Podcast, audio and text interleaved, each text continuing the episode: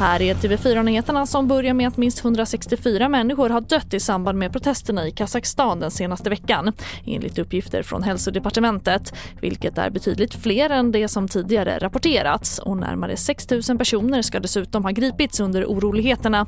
Och det var fördubblade bränslepriser som utlöste protesterna, men ganska snart kom ilskan att riktas mot det auktoritära styret i Kazakstan. Och en ny variant av covid-19 har upptäckts på Cypern. Den nya varianten är en kombination av delta och omikron och har fått det tillfälliga namnet deltacron. 25 fall har upptäckts men än så länge är det för tidigt att säga hur allvarlig eller smittsam deltacron är.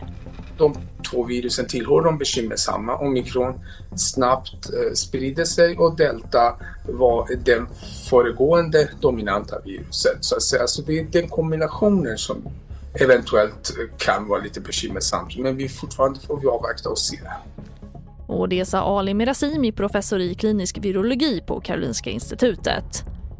Och sju personer har bekräftats döda efter att ett gigantiskt klippblock rasat ner över en grupp turistbåtar i Furnassjön i Brasilien. Tre personer saknas fortfarande enligt räddningstjänsten. Orsaken till att berget plötsligt rasade vet man inte riktigt men det har regnat mycket i området de senaste dagarna och det kan ha bidragit till raset. TV4-nyheterna, jag heter Charlotte Hemgren.